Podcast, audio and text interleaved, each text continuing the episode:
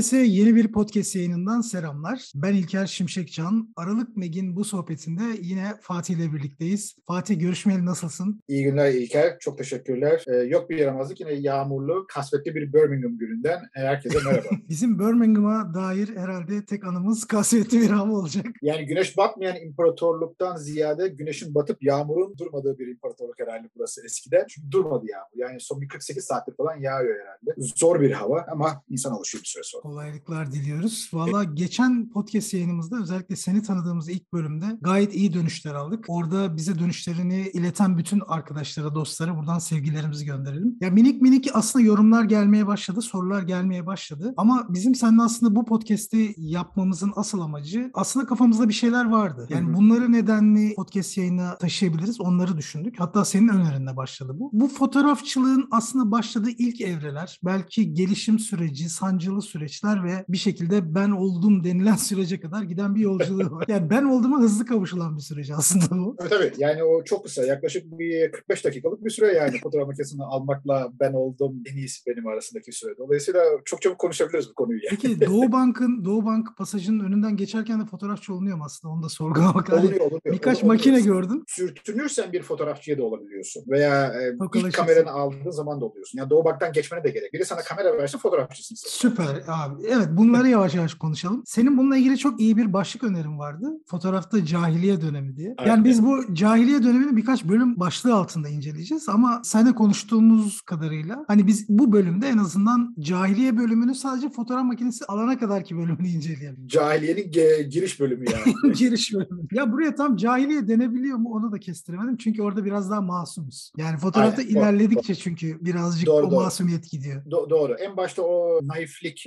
masumluk var. Dolayısıyla evet bu, bu döneme cahiliye diyemeyiz. Cahiliye daha çok duraklama dönemi. Hani Osmanlı'nın duraklama dönemindeki e, kısım cahiliye olur eğer çevirirsek o dönemi fotoğrafçılık üzerine konuşursak. Dolayısıyla evet bu o naiflik ama şunu konuşabiliriz. O dönemde yapılan hataların cahiliyeye nasıl sebebiyet verdiği. Ya da e, şeyle başlayalım. İstersen sen de bir fotoğrafa nasıl güdülendiğini anlat. Çünkü biz hiç Hı. fotoğrafa başlarken aslında çevremizde gözlemlediğimiz istemli ya da istemsiz çocukluğumuza varan bir böyle bir Hı. serüven oluyor. Yani benim kendi gözlemimde mesela bizim e, hep anlattığım çocukluğumuzda kamera gerçekten önemli bir enstrüman. Her ailede olmazdı. Olanlar birbirinden mutlaka ödünç alırdı. Biraz Evet. ulaşılmazdı. Düğünler, sünnetler, nişanlar hep aynı makineyle çekilirdi ve bazen hüsran da o hüsranı da gördün orada. Yani mutluluklar gelirdi basılı fotoğraflarla ama çok sık ş- filmlerin yandığını da görürdük. Ya biz tabii bunu 80-90 döneminde 80'lerin sonu 90'ların başı döneminde hani aile içimizde çok gözlemledik. Ya ben temele gittiğimde aslında buradaki durumu daha iyi anlıyorum. Çünkü çocuk gözüyle baktığınızda ya burada bir bilinmezlik, bir kimya döngüsü var. Ya fotoğrafçılar ya da fotoğraf baskısı alınan stüdyolar ya şimdi belki çok büyük öne- önem arz etmiyor ama o zaman çok önemli. Bilmem tabii, nerede, tabii. şurada Yani- tab ettirdik, burada yaptırdık gibi cümleler dolanıyordu halkın arasında. o banyo tab ettirdiğiniz yerler, banyo ettirdiğiniz yerler sizin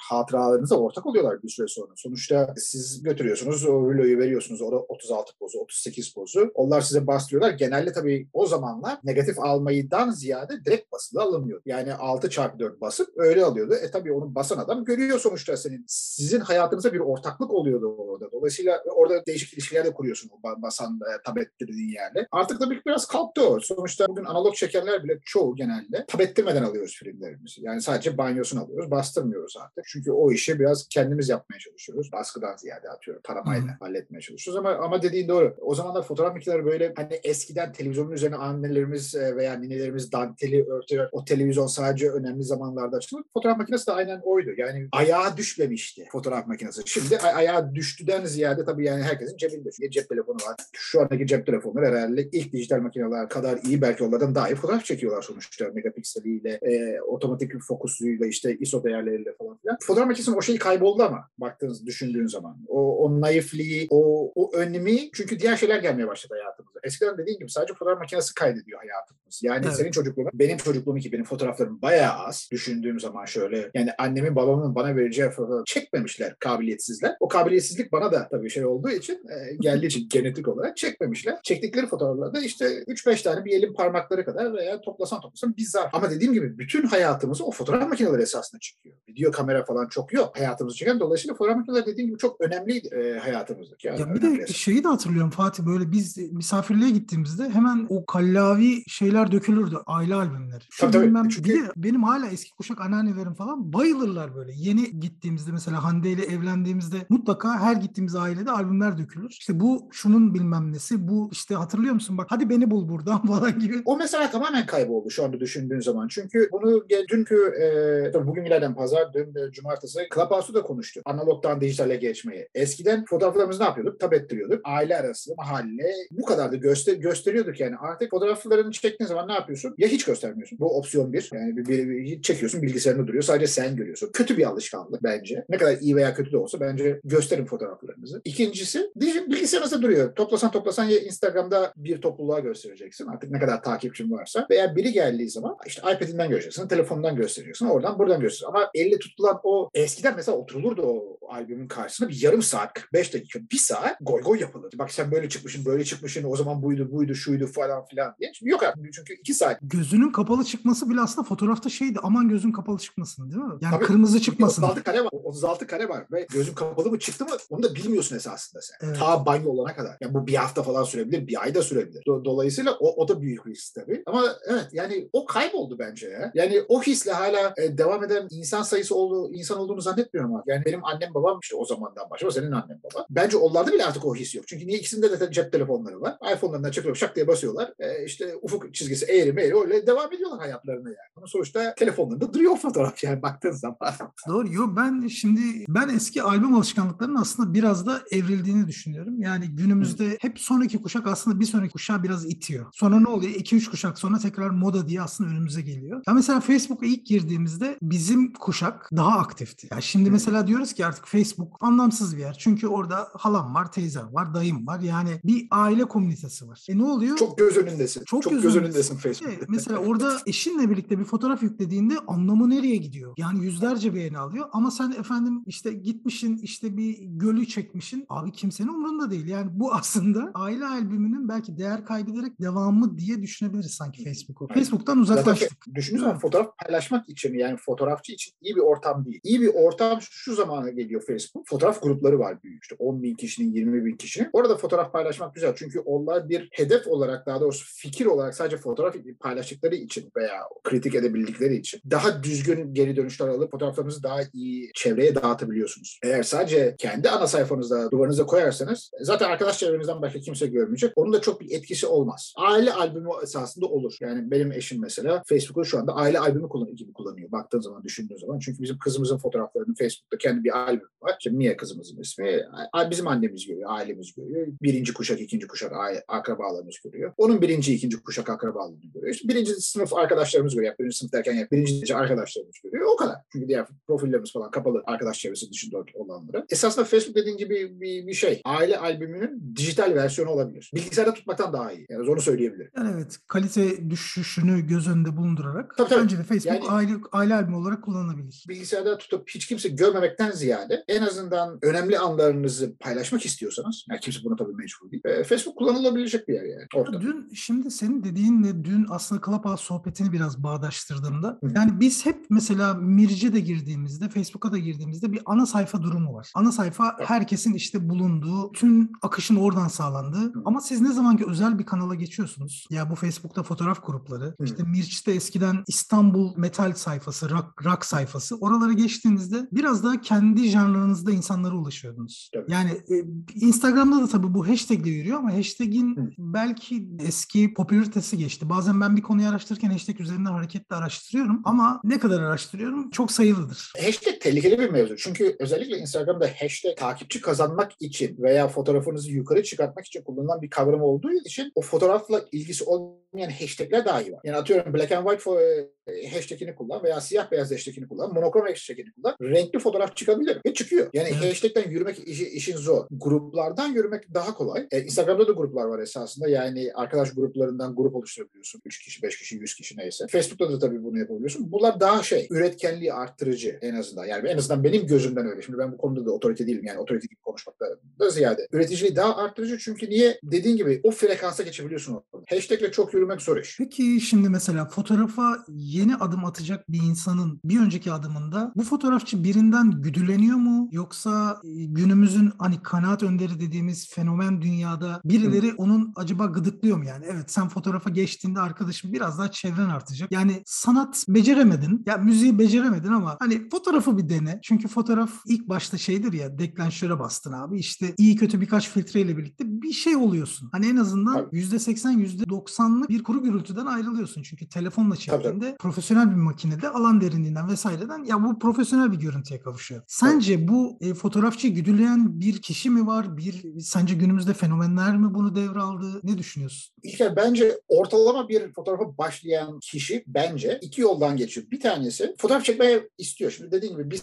bir sanatla uğraşmak istiyor. Bir sanatla uğraşabilmek veya bu güdüye sahip olmak güzel bir şey. Tam hatırlamıyorum kim demişti bunu ama bir bilinen böyle bir sanayici, eski kuşaklı sanayicilerden bir, bir tanesi diyor ki bir insanın bir sanatla ilgisi hobisi olması lazım. İstediğiniz sanat olabilir tercih. Fotoğraf kolay bir sanat dalı girmek için. Hele şu anda hiçbir şeye ihtiyacınız yok. Çünkü ihtiyacınız olan tek şey olan kamera cebinizde duruyor zaten. Yani hiçbir yatırıma fazladan ihtiyacımız yok. Şimdi ortalama bir fotoğrafa girmek isteyen insan iki yoldan geçiyor. Bir tanesi bir sanata girmek istiyor fotoğraf. Ee, en çok fotoğraf nereden paylaşılıyor? Instagram. Instagram'dan bakıyor. Diyor işte Ali 1 milyon takipçili, Veli 500 bin takipçili. Diyor ki ben bunları bir kopyalayıp buradan başlayayım bu, bu işe. İşte onların kameralarını, onları almaya başlıyor. İşte filtreleri, bütün teçhizatını kurmaya başlıyor. Birinci yol bu. Buradan devam ediyor. İkinci yol ne yapıyor? Kitap almaya başlıyor. Fotoğrafçı kitaplar. Bir şey öğrenir miyim? Bu işe biraz daha başlayayım. Ama şunu atlıyor. Sadece fotoğrafçı kitabı alıyor. Karıştırıyor fotoğrafçı kitabını. Fazla düşünmeden. Diyor ki ya bu fotoğrafçı A makinesini kullanmış veya B makinesini kullanmış. Bir de ben böyle gireyim diyor. O makinelere, o markalara yatırım yapıp girmeye çalışıyor. Bu ikisinin de sonra hüsranla bitiyor. Çünkü niye? Temeli kurmuyorlar. Temel yani esasında fotoğrafçılık hani e, biraz özgür bir sanat demek istiyoruz da özgür çok değil bir sanat değil yani. Fotoğrafın kendi içinde yıkmadan evvel öğrenmemiz gereken çok kuralları var. Kompozisyon kuralları var, ışık kuralları var. Tekniğini biraz bilmeniz gerekiyor. İşte diyafram nedir, e, enstantane hızı nedir bunları bilmen gerekiyor. Çünkü diğer türlü makineyi ilk aldığın zaman yapacağın tek şey eğer özellikle kullanma kılavuzunu okumadıysa takip ettiğin fotoğrafçıları Instagram'dan veya okuduğun kitaptaki fotoğrafçılarını çok anlamadan baktıysan fotoğraflarına. Abi şu otomatiğe koyuyorsun. Otomatik e, diyafram, otomatik enstantane, otomatik ISO. Makine senin için her şeyi ayarladığını zannediyorsun. İstediğin fotoğraf bir türlü gelmiyor. Çünkü ne yapıyor makine? Diyor ki titrelemeden çekmek istiyorsun. Ben 1.250'de çekiyor atıyorum. Işık biraz falsolu diyor. Atıyorum diyaframı açıyor veya kapatıyor. ISO ile oynuyor falan filan senin için. Sen istediğin görüntüyü hiçbir zaman alamıyorsun. Çünkü niye? Temelle öğrenmemişsin sen. Temelde diyaframın açıklığı kapalı mısı ne demek? Enstantane hızı ne? Dolayısıyla hatalar esasında daha burada başlıyor. Yani bizi o içimizdeki içgüdü geldiği zaman ki bu hataları yapanlardan bir tanesi de benim. O yüzden çok rahat konuşabiliyorum bu konuda. Fotoğraf kamerasını alıp eline her şeyi otomatiğe bağlayıp temelsiz çekmeye başladığın zaman diyorsun ki bilgisayara koyuyorsun ulan diyorsun bunlar olmuyor. Renkler tutmuyor gördüğün gibi. Çünkü mesela renk dahi dijital analog gördüğümüz renkler yani işte ağacın rengi, yolun rengi, ıvırın zıvırın rengi dijitale dönüştürdüğü zaman makine senin için rengi Kelvin değerini seçiyor. Bunu da öğrenmesi gerekiyor esasında insanların. Yani aynı kırmızı, birebir kırmızı. Aynı, aynı rengi al. Güneşin altında başka, hava kapalıyken başka, gölgedeyken başka, yağmur günde başka gözükür insan gözüne. Bunu fotoğrafta ayarlamamız gerekiyor. Makineye verdiğin zaman makine bunu hiçbir zaman düzgün ayarlayamaz. Çünkü makine dünyadaki bütün makineler %18 griye göre ayar. İnsanlar tabii %18 gri'nin de ne olduğunu öğrenmesi gerek. Yani makineyi almadan veya fotoğrafı çekmeden evvel bazı fotoğraf makinesinin en azından otomatik fotoğraf makinesinin nasıl çalıştığına dair öğrenilirse insanlar ileride çok daha rahat ederler. Ondan sonra atıyorum renk teorisini öğrenirler, o skalaları öğrenirler, kompozisyon kurallarını öğrenirler. Ama bunu yapmıyoruz biz. Hmm. Bir de tabii şu var, biz Türk'üz. Biz ortadan girebiliyoruz. Yani temelsiz giriş hakkımız var biletimiz. O hiçbir zaman bitmeyen bir biletimiz var burada. IKEA dolabına kataloğa bakmadan, kurulum şablonuna bakmadan kurabilen bir milletiz yani. Baba matkapla delik açıyor ekstra Ikea'ya. Anladın Abi... mı? kendi vidalarını kullanıyor ondan sonra. Baba diyorum yani bak Ikea'nın mantığı her delik açılmış, tornavidası dahi içinde. Yani senin ekstra bir şey kullanman gerekmiyor. Maksimum kullanacağın şey annem dolabı tutmak için beraber, kaldırmanız için, dengelemek için. Onun dışında hiçbir şey yapman gerekmiyor. Adam her ikiye dolabında ya fazladan bir şey açmış oluyor ya eğri kuruluyor. Çünkü niye? O kullanım kitap şey hiç okunmuyor. Sanki yani adamlar boşuna koymuş onu oraya. Ama şu vardır ya şimdi sanayiye gittiğinde hani monte edilir ya da demonte edilir tekrar kurulur. İşte vida çıktığında usta şey der. Usta adam vida arttırır falan derler. Tabii. Ya da hatırlarsın yani bunu. Elektronik devrelerde mesela mesela açarsın. Bir bakarsın vidanın yeri yok. Sen kapatmışsın her şey yolunda çalışıyor ama vida fazla çıkmış. Usta adamlar adam vida arttırır. Şu, çok mantıksız bir yol. Esasında bize pratik zeka güzel bir şey İlker. Yani ben kötü bir şey değilim. Yani bizi Avrupa ile ayıran en büyük özelliklerimizden birisi bir Türk insan olarak pratik zeka. Ama işte biz o pratik zekayı düzgün kullanmıyoruz. Bu demek değildir ki iki ya da delik açabilirsin. Bir şeyi açtığın zaman veya tamir etmeye çalıştığın zaman iki videyi dışarı alabilirsin. Böyle bir şey yok. O adamlar o videoyu koymalarının nedeni bir nedeni var. Aynen fotoğrafta da bir kompozisyonun olmasının nedenleri var. Yani insan gözünün hareket etmesinden kaynaklanıyor. Veya şöyle düşünelim bak. Bu çok basit bir örnek. Geçen gün düşünüyordum bunu. Bir at fotoğrafını çekelim. Hı. Hareket eden bir at fotoğrafı. Başka hiçbir şey yok. Anladın mı? Bir deniz önünde at devam ediyor. Deniz yani böyle güzel bir esnaf. Atın soldan sağa gitmesiyle sağdan sola gitmesi arasında kompozisyon olarak fark var. Mesela bunu insanlar test etsin. Bir fotoğrafları varsa hareket eden bir obje fotoğraflarını soldan sağa e, kurgulasınlar. Aynı fotoğrafı Photoshop'ta çevirip sağdan sola hareket ediyor. Baksınlar hangisi gözlerine daha iyi gelecek. Çok basit bir esasında kompozisyon kuralı bu. Ve bunun temeli var. Temeli şu. Biz soldan sağa okuyoruz. Dolayısıyla bizim gözümüz otomatik soldan sağa gidiyor. Ya biz derken Latin alfabesini kullanan veya bizim gibi yazan insanlar. Orta Doğu'da mesela bu olay sağdan soldan devam ediyor. Dolayısıyla onlar için sağdan sola giden at güzel. İkisinden birini tercih etmek. Ama mesela bu kompozisyonun niye olduğunu bilmemiz gerekiyor ki fotoğrafın ileriki evrelerinde kurgularken buna bakabilelim. Dolayısıyla çizgileri nereye koyacağımız buradan çıkar. Mesela soldan sağa çizgi koymak, sağdan sola çizgi koymaktan daha güzel. Yani sol köşeden sağ üst köşeye doğru mesela. Ama bunlar hani o fotoğraf kitabını alıyoruz ya, onu çalışarak olacak şeyler. Yani her iki saniyede bir parmağımızı ıslatıp çevirmekten ziyade otur 15 dakika düşün o fotoğrafta. Niye? Bu herif bu fotoğrafı çekmiş, para vermiş, kitap bastırmış. Sen de para verip almışsın. Niye bu fotoğrafı böyle? Bunun esasında çok güzel örneklerinden bir tanesi Magnum'un yine bir kitap önerisi arkadaşlar. Contact Sheet denilen kitabı. Bu Contact Sheet ne? Eskiden hala yapılıyor bildiğim kadar Lightroom'da yapabiliyorsun. 36'lık fotoğrafı çektiğin zaman üstten ekrandizörle ışığı veriyorsun. 36 pozu küçücük. O 25 35 35'e 25 milimetre olarak kağıda basma. Dolayısıyla ne yapıyorsun o zaman? Öndeki bir arkadaki sahneleri görüyorsun. Magnum Contact Sheet'te ne yapmışlar? O bildiğimiz çok meşhur fotoğrafları önden ve arkadan fotoğraflarını görüyorsun. O zaman ne oluyor? Fotoğrafçının niye o kareyi seçtiğini, diğer kareleri attığını görebiliyorsun. Kompozisyon olarak ne değiştiğini görebiliyorsun ve senin gözüne eğitiyor. Ama tabii yine bunun için oturup tek tek kareleri incelememiz gerekiyor. Yani sadece Aa, ben kitabı aldım, güzel sarı kitap, kuşa kağıda hafif de çevireyim işte orada güzel fotoğraflar var. O değil. Ama Oturup tek tek düşünürsek saatlerce değil ama hemen en azından bir 15-20 dakika. Işık nereden gelmiş? Niye o çizgi kullanılmış falan filan. Çünkü fotoğraf dediğin şey istediğimiz objeleri biz koyabiliyoruz. Veya Ani Cartier-Bresson'un bir fotoğrafı var. Bir santim gittiğiniz zaman o dünya bambaşka bir dünya olabilir fotoğrafta. Hı. Niye fotoğrafçı o kareyi seçmiş? Diğer karelerden ziyade. Bunu öğrenebilirsek ileride çok daha rahatız. Yoksa ne oluyor? Cahiliye döneminin giriş gelişme konu e, sonuç bölümündeki gelişme ve sonuç dönemine hareket ediyoruz. Kesinlikle doğru. Yani bu tabii fotoğrafçı mı seçti? Bunu bir seçen uzman ekip mi var? Çünkü fotoğrafçının seçmemesi de bazen daha etkili kareye neden olabiliyor. kendinizi uzaklaştırırsanız o karelerinizden esasında mantıklı. Ha, bunu şunu da şöyle yapabilir arkadaşlarımız veya bizi dinleyenler. Başkası seçsin sizin yerinize. Çünkü göz hareketleri eğer aynı coğrafyadan geliyorsanız standart. Mesela sen de senin eşin de soldan sağa okuyorsunuz. Dolayısıyla sen fotoğraflarını seç 10 tane koy. Hatta şunu yapan varmış. Yere basıp fotoğrafları koyuyorlar. Ufak ufak 8 çarpı 10, 6 çarpı 4. Koyuyorlar yere bakıyorlar. Hangileri birbiriyle daha uyumlu, hangi kare daha güzel. Kendinizin uzaklaşmanız. Çünkü fotoğraflar meşhur bir fotoğrafçı var veya daha doğrusu blogger da diyebiliriz. Eric Kip. Fotoğraflar bebeklerimiz gibi. Esasında fazla bağlanmamak gerekiyor. Yani fotoğraflarımız öldüğümüz der ya. Biz fotoğraflarımızı tabii kalben bağlamıyoruz. Çünkü bizim yaptığımız bir şey. Ürün çıkartıyorsun eline. Bu sonuçta kalben çok bağlanıyoruz bu olaya. Kendinizi ne kadar bu olaydan geriye doğru çekebilirseniz o kadar objektif yaklaşma şans- şansınız var. Bunun için iki opsiyon var. Ya başkası seçsin fotoğraflarınızı. Gözünüze güvendiğiniz bir arkadaşınız seçsin veya bir akrabanız seçsin. İki, dijital çekiyorsanız fotoğraflarınızı hemen editlemeyin. Dursun. Atın bilgisayarına depolayın. Kartta durmasın. Atın bilgisayarınıza dursun veya bir yerde depolayın. Bir ay sonra bakın. Ama spor fotoğrafçı değilsiniz. Eğer yani siz belgesel fotoğrafçısı falan değilsiniz. Dokumentary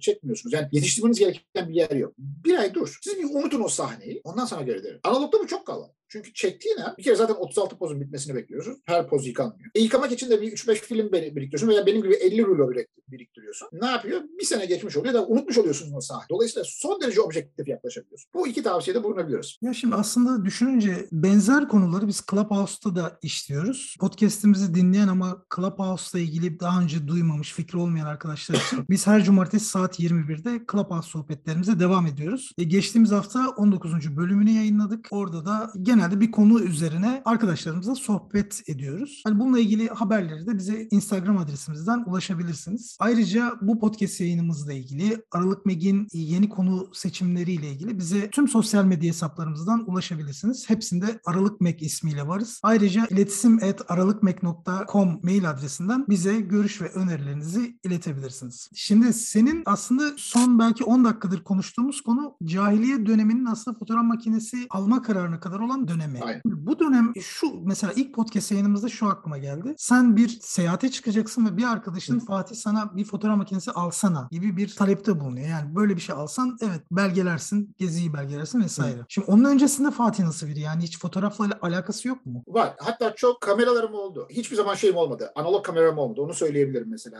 O imkanımız olmadı bizim. Belki maddi olarak o imkanımız olmadı. Belki dediğim gibi de ilk yayında söylediğim gibi ailenin sanata yönlendirmekten ziyade hep matematik ve mühendisliğe yönlendirmesinden ziyade olabilir. Yani bu iki soru iki sebepten bir, bir tanesi benim ilk analog makinem olmadı. İlk dijital makinelerim oldu. Ee, Sony'nin Cybershot galiba. O şey kapaklı. Hı hı. Ee, güzel makine, kaliteli makinelerdi. Yani iyi para vermiştim zamanlarda. İşte zoomlusu falan da, Carl Zeiss zoomlusu olan falan da vardı. İyi modellerini aldım. Ama işte konuştuğumuz o cahiliye döneminin başına geldi. İyi kamera almak, iyi fotoğraf çekmek demek değil. İyi daktilo almak, iyi yazı yazmak demek değil. O temel olmadığı için o kameraların iyi olmadığını düşündüm hep. Hani bu İngilizce'de Gear Acquisition Syndrome denilen o ga- gaz olayı, gazlama olayı hep bende oldu. Son dönemlere kadar hatta uzun uzun oldu. En son bu e, özellikle film ve analog kısmında bu işi bitirmeye başladım. Ben o gaz o gaz olayından çıkmaya başladım. Gazlanma olayından çıkmaya başladım. Fotoğraflarım, fotoğraf makinelerim oldu. Ama mesela hiç editlemedim. Bilgisayarıma koydum işte ufuk eğri, o eğri, e, bulanık, çöp yani esasında. Şu anda bakmayacağım fotoğraflar. Çöp olan fotoğraflar. Birçoğu. Ama dediğim gibi sanatsal olarak hiç yaklaşmadım bu olaya. Veya ben bu işe biraz daha vakit ayırayım. Günde yarım saatimi, 45 dakika, bir saatimi ayırayım, inceleyeyim, öğreneyim değil. Çünkü niye? Dediğim gibi o, o background'la, o geçmişle gelmedim. O veya yetişmedim. Yetişseydim ben başka olurdum. Yani yetişen insanlar var. Ben onun için çaba sarf ediyorum şu anda. Kendimi olabildiğince geliştirip bu konuda. Kızım büyüdüğü zaman ona bir şey intikal ettirebileyim. Sanatsal anlamda, görme anlamında değil belki. Çünkü o biraz da kabiliyet işi. Ben kabiliyetsiz bir insanım. O kabiliyet işi, o beynin bir kı- kısmı sonuçta. Ama en azından teknik kısmını kızıma aşılayabilirsem, anlatabilirsem, temel kompozisyon kurallarını, temel fotoğraf kurallarını, temel renk kurallarını, bunları anlatabilirsem, karanlık odayı anlatabilirsem, o benim şeyim, he- hedefim şu anda. Dolayısıyla bu benim fotoğrafçılığa girişim. Yani uzun süre otomatik fotoğraf makinelerini alıp, ondan sonra arkadaşımın dürtüsüyle bir Nikon 1855 lens ve şey alıp, nedir onun adı, D5000 kamera alıp, o başlama. Ama hep cahiliye döneminden devam ettim ondan sonra yani. Uzun süre. Burada şimdi tabii başlangıçta çok iyi kameralar kullanmadan artık üst seviye dediğimiz üst segment kameralara kadar kullanmış biri olduğun için aslında bu açıklamaları yapman tamamen tecrübeyle sabit. A- Atıyorum ilk fotoğrafçılığa ilk başladığında özellikle fotoğraf tarihini araştırıyorsun ve altından hep Leica çıkıyor. Yani Bresson hayranıysanız Leica Hı. çıkıyor. Birçok fotoğrafçının Leica kullandığını Kafalarda var. O, o zaman sonuçta 19 bu Japonlar özellikle fotoğraf makinesi olayına girene kadar ki 40'larda 50'lerde 2. Dünya Savaşı sonunda başlıyor Japonların fotoğraf e, makinesine girme olayı. Hep Leica veya Avrupa üretimi olan range finder denilen yani mesafe ölçümü Messsuche e, Almancası yani Leica M'in oradan oradan geliyor. Bunu da birçok esasında Leica M kullanıcıları bilmez. E, niye M modelinin ismi? Cahiliyenin e, bir başka bölümü bu da. Esasında bir savaş dönemi hedef tutturma şeyi gemilerde. Yani Birinci Dünya Savaşı'nda, İkinci Dünya Savaşı'nda işte iki gemi çarpışacak savaş. Mesafeyi nasıl ayarlayacaksın? Yani sonuçta top atacaksın herife. Ka- karşındakine. Karşındaki de hareketli. O mesafeyi ölçme mantığından geliyor Leica'nın kurulumu ve o şekilde devam ediyor. Bu 1940-50'lere kadar yani İkinci Dünya Savaşı'nda Japonlar çıkıp o sanayi atılımını yapmaya başladıkları zaman onlarda fotoğraf makinesi çıkmaya başlıyor ki ilk esasında onların çıkardığı fotoğraf makineleri de yine rangefinder modelleri. Yani Nikon'un ve Canon'un çıkardığı. Çok kısa bir süre onu kullanıyorlar. Ondan sonra SLR o aynalı kamera teknolojisini buluyorlar. Ki o zaman Leica'nın domine olması biraz bitiyor. Ee, herkesin elinde olmasından ziyade. Uzak Doğu'nun hem ucuz üretim hem kaliteli üretim hem de kullanımı daha kolay kamerasıyla başlayarak o tarafa doğru yöneliyor. Ama dediğin gibi en başta herkes bir Leica kullanımı var. Yo benim aslında burada dediğim her fotoğrafçının hayalini kurduğu bir Leica var. Tabii. Şimdi bu serüvende arada tabii her türden fotoğraf makinesi var. Yani bu teknik anlamda SLR ya da işte rangefinder ya da kompakt makine bir sürü markası var, modeli var. Ama fotoğrafçılığa ilk başladığımızda benim o çocukken bahsettiğim kompakt Kodak makineler o zamandan başlayan serüvende Leica hayali kuruyorsun. Yani bunu sana kurduruyorlar yaptığın okumalarla. Ama sonra fark ediyorsun yani benim kullandığım Minolta bir fotoğraf ortaya koyuyorsa Leica'da çok da büyük farklar yaratarak bir fotoğraf ortaya koymuyor aslında. Yani Tabii. bu lensin özelliği tabii keskinliği ya da kontrast seviyesi onlar onların dışında aldığın hazza baktığında Minolta'dan ya da A makinesinden aldığın aldığın haz Leica'dan bazen çok daha fazla oluyor. Ya bunu Evet. şeyle de düşünebiliyorum. Şimdi e, üniversitede ben yıllarca müzik yaptım. Şimdi müzik hayatımda bizim hiç iyi gitarlarımız olmadı. Ama çevrem ağzına kadar bizim ev müzisyen doluydu. Ve sürekli üretimler yapardık, besteler yapardık, onları kayıtlarını alırdık ve gitarlar Çin malıydı. Sonra ben para kazanmaya başladım. Herkesin hayalini kurduğu bir Amerikan Fender aldım. Şu an çalacağım kimse yok. Yani Leica da aslında o. Ya be- yani benzer paralelde düşününce Tabii. çok da bazen ekipmana çok takılıyoruz. Yani buradan daha önce bu ekipmanı kullanmamış olanlar hep hayalini kuruyor. Çünkü bana yazıyorlar sürekli ya işte M6 falan işte yok öyle böyle. Aslında arkadaşlar gerçekten bir fark yok. aidiyet duygusu. Çünkü hep bir sınıfa, bir zümreye ait olma şeyimiz var bizim. Yani esasında bu bizim Aralık Mek'teki arkadaşlarımız daha iyi şey yaparlar. O psikolojide e, olan bir aidiyet, bir gruba dahil olma şeyi, bir zümreye. Şimdi hepimiz biliyoruz. Leica pahalı bir kamera. Yani ucuz bir kamera değil. Herkesin ulaşabildiği bir ikinci eli dahi binlerce dolar olabilen bir kamera. Ucuz, ucuz bir kamera. Bu şeye benziyor. İşte kameran Leica, saatin Rolex, araban Mercedes, telefonun Apple olacak. Yani hep bir marka şeyinden. Esasında baktığın zaman dediğin gibi benim şu anda Leica olmayan kameralarım da var. Ama e, en keyif aldığım e, kamera diye düşünsem o anda hangisinden fotoğraf çekiyorsam. Yani bana fotoğraf fotoğrafı versin. Hangi kamerayla çektiğim yani istediğim fotoğrafı versin. Onu da bilmek önemli. Yani her kamera her iş için iyi kamera demek de değil. Bunu da bilmemiz gerekiyor. Dolayısıyla Leica'yı iyi seviyorlar veya Nikon'u veya Canon'u hangi kamerayı seviyorlarsa markayı seviyorlar. O iş için düzgün olay mı? Lensin falan filan. Önem- önemli olan o. Yoksa dediğin gibi hele analog çekiyorsa yani Ilford HB5 çekelim. iki kameradan koysunlar. Ben sana iddia ediyorum ki eğer 100 Leica'cı varsa 95 tanesi Leica mı Minolta mı farkına varamaz. Hepsini de aynı şeyle atıyorum. Yani tabii varamazlar derken aynı şeyle çekeceksin. Yani atıyorum 50'yi iki lensle çekeceksin anladın mı? Biri 35 e, veya 50 0 95 diğeri 54 ise onun farkına kör gözler de var varır. Ama aynı şeyi de çeksin de. Ya hadi varın bakalım. Hatta yani ben şöyle de ileri gidebiliriz. Aynı Leica dijital makinenin üzerinde iki farklı lens olsun. Onun da farkına varamazlar. Hele Instagram'dan bakıyorlarsa bunu hiç varamazlar. Instagram dediğin şey 1 megapiksel. Anladın mı? 1024'e 1024. Neyine varıyorsun? Nasıl bir gözün var? Dolayısıyla çok fazla markaya ha, hedefiniz varsa o hedef için çalışmak güzel. Ama e, Leica'nız olunca daha iyi fotoğraf çekeceğinize örnek bir ben emin olabilirsiniz ki olmuyor. Kompozisyon kurallarını, temel bilgileri öğrendikten sonra hepsi oluyor maalesef. Fatih o zaman yavaştan bu podcast yayınımızın sonuna gelelim. Valla fotoğrafta cahiliye dönemi birinci bölümü bugün elimizden geldiğince anlatmaya çalıştık. Fotoğraf makinesi aldığımız süreye kadar olan kısmı. Önümüzdeki haftalarda yavaş yavaş dönemsel olarak fotoğraf e, konusuna daha da derinlemesine gireceğiz. Ben sana ayrıca bana partnerlik yaptığın için çok teşekkür ediyorum. Ben teşekkür ederim. E, Bize her türlü görüşlerinizi, önerilerinizi, özellikle üzerine sohbet etmemizi istediğiniz konu başlıklarını tüm sosyal medya hesaplarımızdan iletebilirsiniz. Ayrıca iletisim et aralıkmek.com mail adresinden bize yazabilirsiniz. Herkese keyifli bir hafta diliyoruz. Kendinize çok iyi bakın. Önümüzdeki hafta fotoğrafta cahiliye dönemi ikinci bölümde görüşmek üzere. Işığımız bol olsun. Görüşmek üzere. Görüşmek üzere.